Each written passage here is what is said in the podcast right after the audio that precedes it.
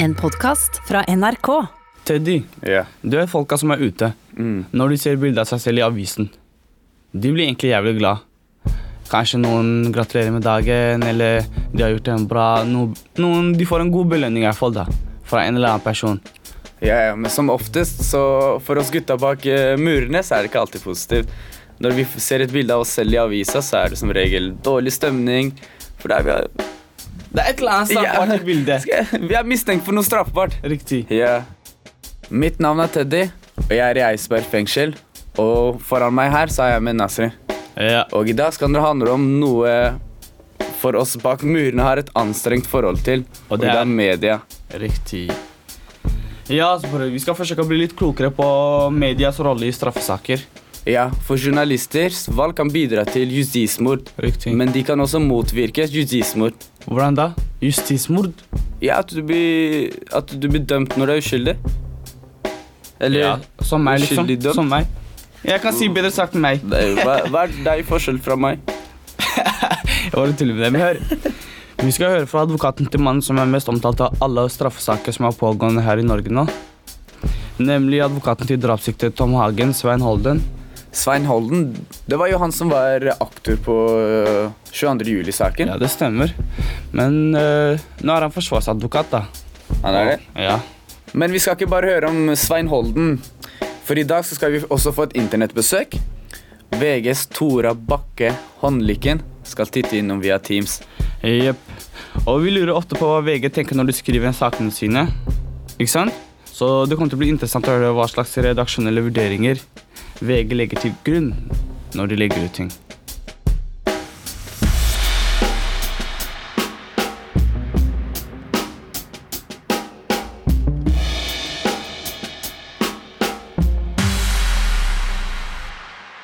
Apropos media, vi skal høre fra en som er midt oppe i mediestormen akkurat nå, Tom Hagen. Og eh, du har jo hørt litt om saken hans, Teddy. Ja, den der kidnappingen med kryptovalutaer. Nede i Lørenskog 2018 høsten. Nå er ektemannen sikta for drap. Såpass, ja. Og eh, gutta nede i Oslo fengsel ville virkelig stille han et par spørsmål. Og da snakker jeg om advokaten hans. Ja, ja, Svein. Svein Holden. Riktig, advokaten hans. Ja, men pga. koronarestriksjoner så hadde ikke han mulighet til å komme i fengsel. For det Riktig. er jo Ingen får lov å komme inn og gå ut og sånn. Men eh, den fikk en eh, ansatt fra Røverradio, Du har skrevet ned alle spørsmålene, håper jeg. Ja, ja, jeg skrev ned alle spørsmålene de, hadde, de gutta fra Oslo hadde. Og så dro og møtte på Svein Holden og stilte han de. Så Ja. kunne han eh, fortelle om eh, medias Dekning. Ja, han er sin klient.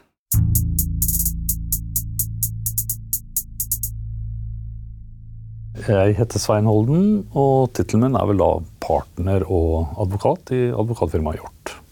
Du har jo vært aktor i mange år, og så bytta du til, eh, til eh, å være forsvarer. Så først så skulle jeg bare gratulere deg for at du hadde bytta til riktig side. Ja, nei, det får jeg vel bare takke for det, da. Hva, hva var det som egentlig gjorde at du bytta side? Det er vel kanskje ikke det svaret de gutta har lyst til å høre, men uh, grunnen var vel kort og godt at uh, jeg hadde jobbet i påtalemyndigheten i 13-14 år, og etter eh, Breivik-saken så ja, ble det bare naturlig å prøve noe nytt. De fleste kjenner deg nå i dag som forsvarer til Tom Hagen. Der så starta du i utgangspunktet som bistandsadvokaten hans. Stemmer det? Det, jeg ble oppnevnt som eh, bistandsadvokat for Tom eh, en snau måned etter dette hendte i 2018. Ja. Det er jo for media kanskje en veldig spennende sak. Pga. alle detaljene rundt at det er en kidnapping og det er en rik mann. og sånn, Så da blir det liksom ekstra spennende å, å skrive om, antar jeg. Så hvordan har det vært for deg å være forsvarer når media er såpass på i denne saken? Ja, Du har helt rett at det er en voldsom pågang. Eh, Og eh, det er klart at det det er kanskje å forvente, sånn med tanke på sakens karakter, og at vi nærmer seg nettopp er på vei ut av en koronakrise, og at eh, mediene eh, elsker nærmest å kunne fokusere på noe annet.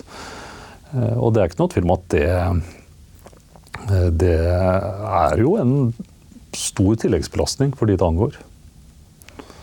Hva, hva Har du noen tanker om, om det som er blitt skrevet fra media da?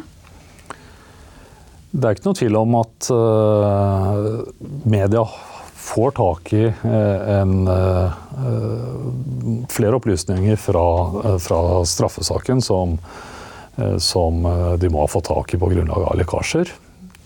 Og det i seg selv er jo ikke positivt. Men samtidig så ser jeg jo nå at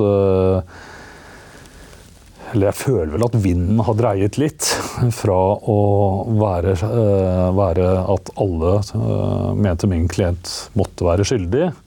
Uh, så tenker jeg også at den senere tids medieomtale har bidratt til å, å kaste lys over de forholdene som taler for at han ikke er skyldig.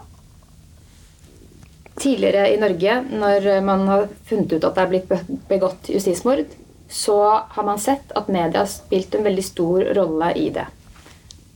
Hva tenker du om det eh, og denne saken? Nå er jeg ikke akkurat kjent med hvordan medieomtalen har vært i, i saker som har ledet til et justismord. Men jeg kan jo trekke fram en annen sak, og som på ingen som helst måte var et justismord, etter min oppfatning. Men under Breivik-saken så, så, var det et, eh, en veldig eh, ensporet mediedekning. Eh, alle i media var, i, ville at Breivik skulle bli dømt som tilregnelig, og ikke utilregnelig, slik som vi i aktoratet endte med å påstå. Eh, til forskjell fra Breivik-saken så opplever jeg at media, i hvert fall nå, er mer eh, kritisk eh, og nyansert eh, enn eh, det hvert fall var en, de var under den saken, i hvert fall. Eh, og, og, dermed er det ikke nødvendigvis like negativt. Eh, for jeg føler at media i større grad oppfyller sin rolle som en rettssikkerhetsgaranti når de eh, faktisk eh, går eh, ja, og vurderer ting grundig, og ikke bare blir et mikrofonstativ for én side. Mm. Klienten din, Tom Hagen, han er jo ikke dømt. Og, og han Bildet hans er jo på forsiden av, eller har vært på forsiden av mange aviser ved flere anledninger. Eh, hvordan opplever klienten din dette medietrykket? Det er klart det er utrolig krevende. Og særlig for en mann som har brukt uh, størsteparten av livet sitt til å være så anonym som overhodet mulig. Han har aldri oppsøkt uh, medienes søkelys. Og, og, da befinne seg i denne situasjonen nå, det er jo helt overveldende. Og, og, særlig med tanke på at han er jo definitivt ikke dømt. Eh, er jo, vi er jo til og med der at lagmannsretten sier at det er ikke skjellig grunn til å mistenke, mistenke han engang. Men likevel så blir han da eh, klistra opp på forside eh, av alle aviser dag etter dag. Det var jo akkurat da For han var satt i varetekt i Oslo fengsel. Kan ikke du forklare hva som skjedde? Jo, eh, vi var jo eh, Nedre Ringerike Nedre Romerike tingrett, eh, hvor han ble fengslet. Og det var ikke noe tvil om at dette måtte vi anke. Og da satte jeg meg ned på fredag morgen med de x antall tusen sidene som er i saken. og og jobbet uh, tre dager til ende med å få et så godt støtteskriv uh, som mulig. Og etter jeg leverte det, så fikk påtalemyndigheten frist til, til onsdagen med å komme med sine kommentarer. Og så traff da lagmannsretten sin avgjørelse etterpå. og da sa jo to av tre dommere at det ikke engang er skjellig grunn til eh, å mistenke Tom Hagen for noe som helst. Og det er jo oppsiktsvekkende, for å si det forsiktig, men helt riktig etter mitt syn. Slik jeg vurderer eh, bevisene, så var det ikke overraskende i det hele tatt at eh, han ble løslatt. Det som kanskje forundret meg mest, at avgjørelsen ikke var enstemmig, men at det var én dommer som mente at det faktisk var skjellig grunn til mistanke. Mm. Og da blir din klient skal slippe ut av Oslo fengsel? Ja, eh, så var det jo slik at påtalemyndigheten ga seg ikke. De forsøkte seg på en anke til Høyesterett, som har en svært begrenset kompetanse i slike spørsmål. De kan kun prøve lagmannsrettens saksbehandling og lovanvendelse. Så vi var, vi var, ikke i tvil om at den anken ikke kom til å føre frem. Og når det var på plass, så, så ble han løslatt. Og da eh, var Medie-Norge på plass utenfor Oslo fengsel. Eh, jeg var selv i området og så at, at de sto i timevis eh, og, og, ventet på at klienten din skulle slippe ut. Jeg tror det er ca. kanskje sånn 30, 30, mennesker kanskje som sto utenfor Oslo fengsel. Og, og, da ser jeg ettertid at VG har valgt å, å ta et bilde av din klient over fengselsmuren. Sånn at de får bilde av ham. For, fordi han kommer ut av fengsel, blir han satt i bil, og så skal han bli kjørt derfra. Og jeg snakka med fengselet, som sier at uh, det er ulovlig. Hva tenker du om det VG har gjort? Nei, det er all grunn til å være betenkt. Uh, og, og, nærmest utnytte en situasjon uh, som er usedvanlig vanskelig for den det angikk. Eh, og, og, grunnen til at han går ut den døren der, er jo nettopp fordi eh, lagmannsretten mener at det er ikke grunn til å tro at han har noe med dette å gjøre i det hele tatt. Eh, og, og da bruke et bilde av han i en slik situasjon for å selge aviser eller annonser på nett eller hva det måtte være, Eh, det er all mulig grunn til å stille spørsmål eh, ved om det er slik vi ønsker å ha det. Syns du at eh, VG har gått for langt? Jeg er ikke veldig familiær med de presseetiske reglene. Så, så, jeg kan ikke sånn på stående fot felle, felle en dom over VGs handlinger. Men, men at det gjør meg betenkt, og at jeg syns det er trist at man uh, utnytter et uh, slikt øyeblikk i et annet menneskes liv for kommersielle formål, det, det er det ingen tvil om.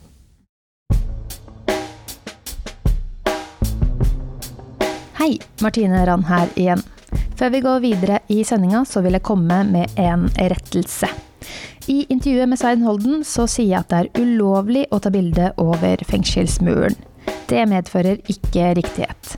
Ifølge sikkerhetsinspektør i kriminalomsorgen, Levi Tyriberget, finnes det per i dag kun lov mot å ta bilder fra fly eller drone inn i et fengsel. Men å avbilde noen i et fengsel kan være brudd på god presseskikk.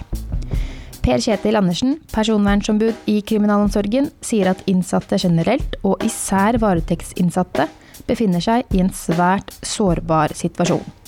Og at det å bli tatt bilde av i fengsel uten samtykke kan være en krenkelse av deres rettigheter.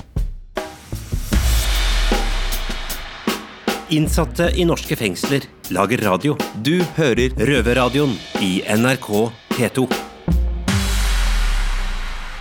Men Nasrin, nå skal vi høre fra en som har peiling på hva som er rett. Ja. Vi skal sette over til Svein. Denne gangen Svein Harald Burøs er professor ved Hvor var det igjen? Institutt for journalistisk høyskole på Volda. Hva er egentlig den riktige etiske offersen til media når det gjelder kriminalsaker? Ja, Det er jo særlig to ting da som er understreket sterkt i Vær varsom-plakaten i forbindelse med kriminalsaker. Det ene er forhåndsdom. Det andre er dette spørsmålet om identifisering. Altså For det første skal en for enhver pris unngå forhåndsdom. Og for det andre skal en, vurdere, skal en som hovedregel da ikke identifisere vedkommende. Det kan tenkes unntak, men det er hovedregelen. Men hva kan være grunnlaget for identifisering? Når det gjelder eh, identifisering, så forekommer det eh, i de mest alvorlige voldssakene og i de mest alvorlige økokrimsakene. Det skjer òg når, eh, når, offentlige personer er involvert i saken. En kan få inntrykk av av mediene i dag at, at det er nær sagt vanlig å identifisere, men det er det slett ikke. I de aller fleste sakene, mindre saker som blir referert fra domstolene rundt i landet, så er anonymisering hovedregelen. Så å identifisere det er unntak i spesielle saker. Kan mediene bryte lover og regler når de tar bilder? Bildebruk i straffesaker er um, knytta sterkt opp til dette med identifisering. Du bruker jo veldig sjelden bilder uten at du òg bruker navn. Så dette her er en, en, en felles problemstilling, bruke navn og bilde. Eh, men så vet vi òg at, at um, bildet forsterker i en del tilfeller belastningen for den som blir omtalt og, og eksponert. Og Derfor så, så burde kanskje mediene oftere eh, droppe bildet, altså, sant? der de vurderer det som riktig å publisere navn. Der er et berettiget behov hos publikum for å vite navnet. Så er det ikke sikkert det er behov for bildet. Eh, det forsterker den personlige belastningen. Det kan òg forsterke belastningen for eh, pårørende for den som blir omtalt. Hva sier hovedregelen om bildebruk i straffesaker? Nei, altså det er de samme reglene som gjelder der som i, i andre tilfeller. altså. Én ting er nå eh, snikfotografering, der du ikke skal, skal fotografere inn på, på, områder der det er eh, regler imot det. Det andre er selve, selve presseetikken, altså, sant? som legger sterke begrensninger på eh, fotografering av personer som da gjenstand for omtale eh, av kritikkverdige forhold, som det heter, straffbare forhold. Eh, men der ligger et stort ansvar på mediene altså, for, for å, å, vise hensyn til den da, som blir, blir omtalt, og unngå for enhver pris forhåndsdom. Det betyr jo at en ikke skal konstatere skyld før det falt dom i saken. Ja, dette var klar tale fra professor ved institutt ved Journalistisk høgskole på Volda. Ja, Du blir bare bedre og bedre til å uttale det nå. ja, men uh, han heter i hvert fall Svein Harald Brurås.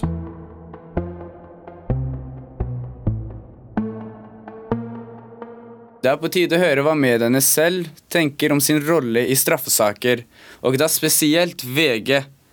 Siden vi har snakka mye om dem i dag, så kom du ned, Mario. Det er korrekt. Jeg kom løpende ned med en gang jeg hørte det.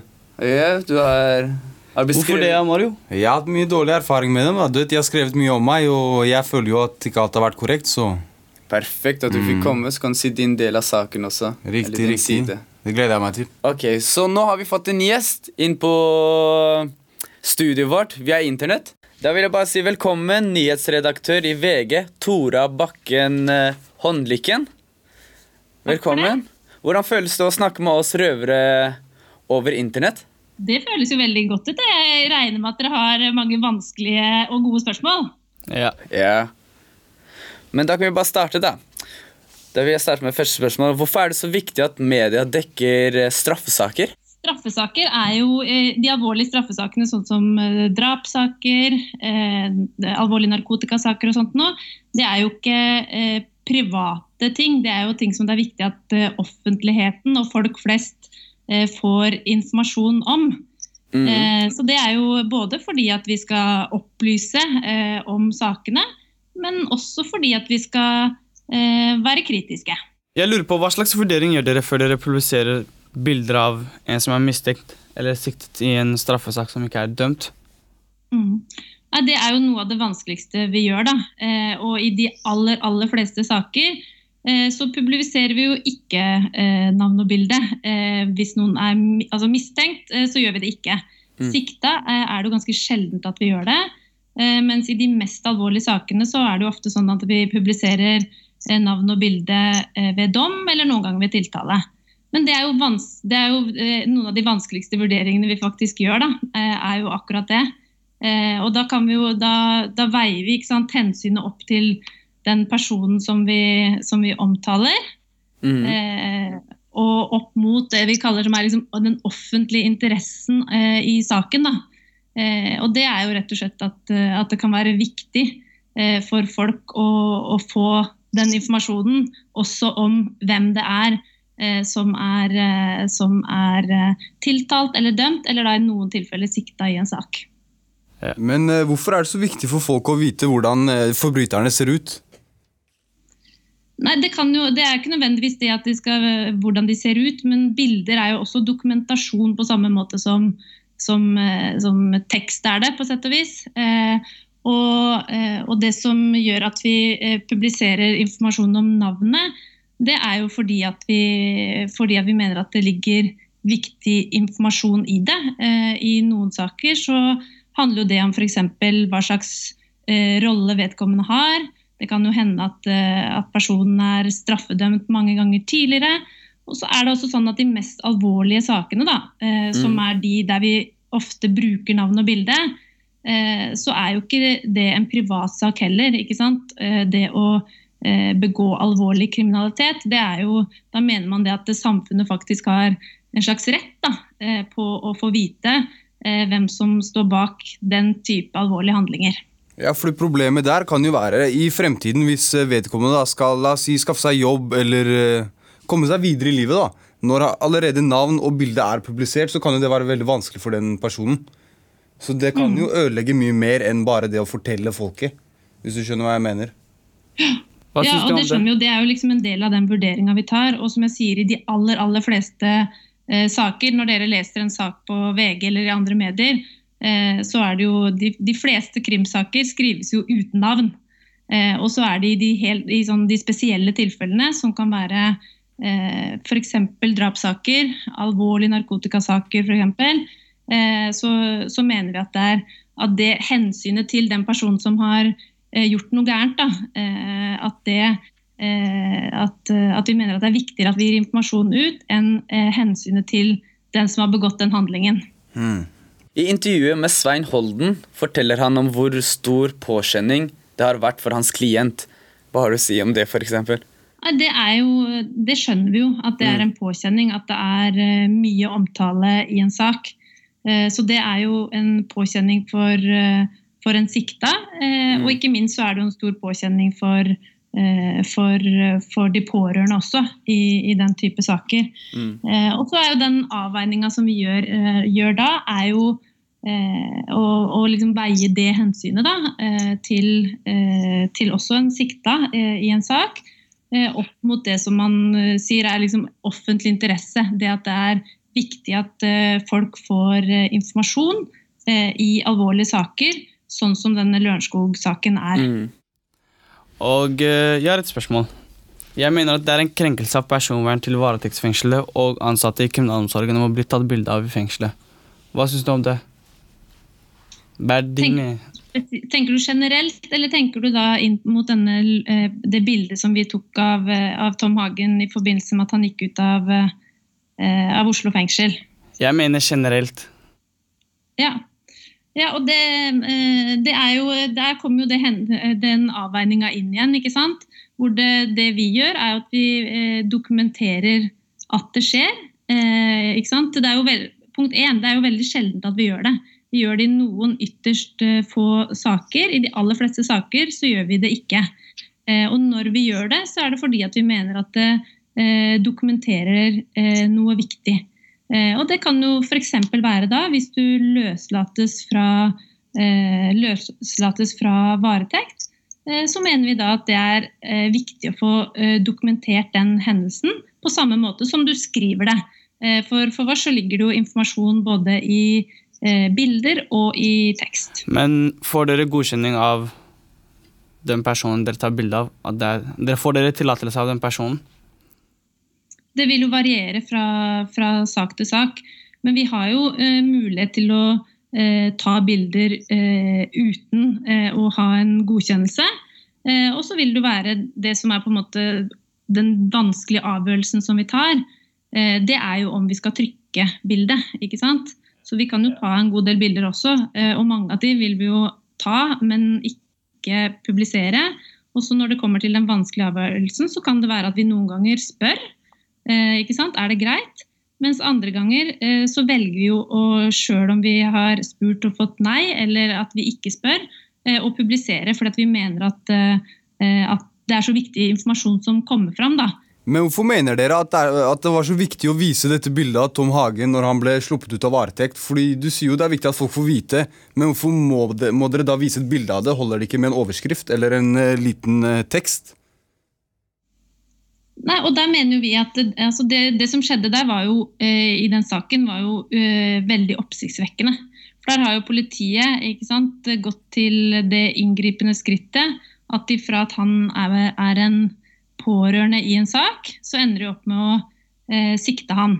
Um, og så eh, vurderer jo retten det og finner at det ikke er skjellig grunn til eh, mistanke, og så skal jo da han da eh, settes fri. Eh, og det, eh, det å kunne dokumentere når det skjer, det mener vi er viktig. og det er jo også viktig for hans del. ikke sant? Da går han jo fra et punkt hvor han faktisk sitter i varetekt, til at han pga. rettens vurdering eh, slippes fri. Ikke sant? Og Det er jo en, en ganske dramatisk eh, endring da, i den saken, faktisk. Eh, så da, som jeg har sagt tidligere også, så mener vi at det å kunne dokumentere ting gjennom bilder eh, er eh, like viktig som å kunne dokumentere det i eh, tekst. Men tror du alle mener at det er like viktig som f.eks. personen på bildet? Nei, det kan nok være ikke sant? at det oppleves som, som en ekstra belastning. Det tror jeg både det at vi, Det vet jo at når du bruker navn og når du bruker bilde, så er det en ekstrabelastning. Så det må du jo, ikke sant? Den vurderinga tar du egentlig første gang. Du, første gang du velger å skrive navnet og, publisere bildet til, til en sikta eller en tiltalt eller dømt i en sak, så tar du det valget. Og så tar du det valget på nytt hver, i, i, i, det, i, hver enkelt situasjon da, eh, som du publiserer det. For det vet vi jo at det oppleves som, eh, som ekstra vanskelig eh, og, og, krevende og en ekstra belastning.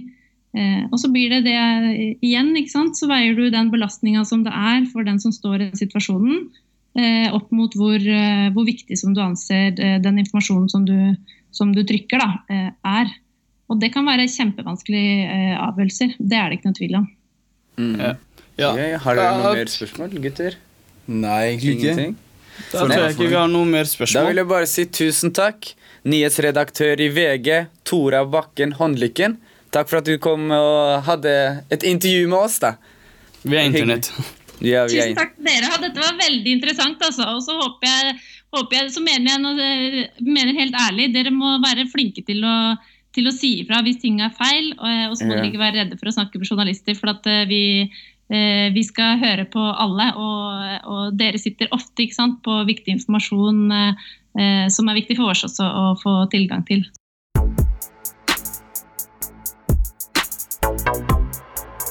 Ja, ok, folkens. Det var alt vi hadde for i dag. Så Nasri, hva skal du gjøre resten av dagen? Jeg skal chiller'n på avdelingen, spille kort.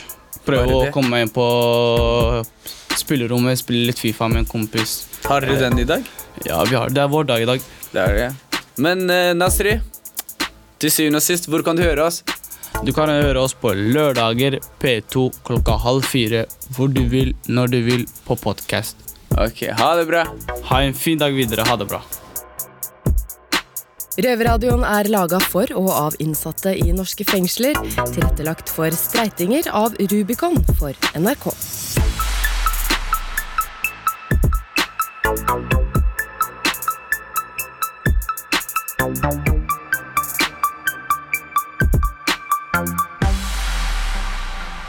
Du har hørt en podkast fra NRK. Hør flere podkaster og din NRK-kanal i appen NRK Radio.